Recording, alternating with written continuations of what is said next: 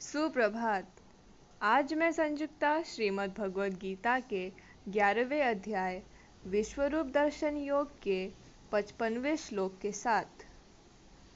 मत कर्म कृन मत परमो मद भक्त संगवर्जित। निर्वैर सर्वभूतेषु। यह समामेति पांडव। हे पांडव, जो मेरे लिए ही कर्म करने वाला, मेरे ही परायण और मेरा ही भक्त है, तथा सर्वथा आसक्ति रहित और प्राणी मात्र के साथ निर्वैर्य है, वह भक्त मुझे प्राप्त हो जाता है। पाँच अंगों या आवश्यक गुणों को इस श्लोक में बताया गया है।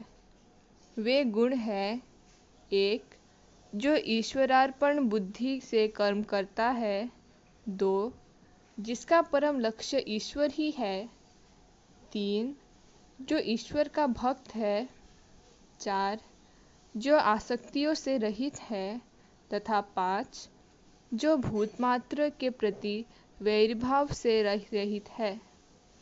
इन पाँच आवश्यक गुणों में आत्मसंयम की संपूर्ण साधना का सारांश दिया गया है। मन और बुद्धि किसी वस्तु या व्यक्ति के प्रति आसक्ति के बिना नहीं रह सकती है।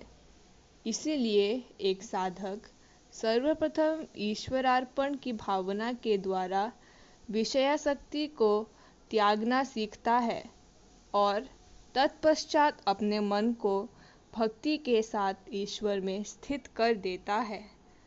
मैं श्लोक दोहराना चाहूँगी। मत कर्म कृन मत परमो।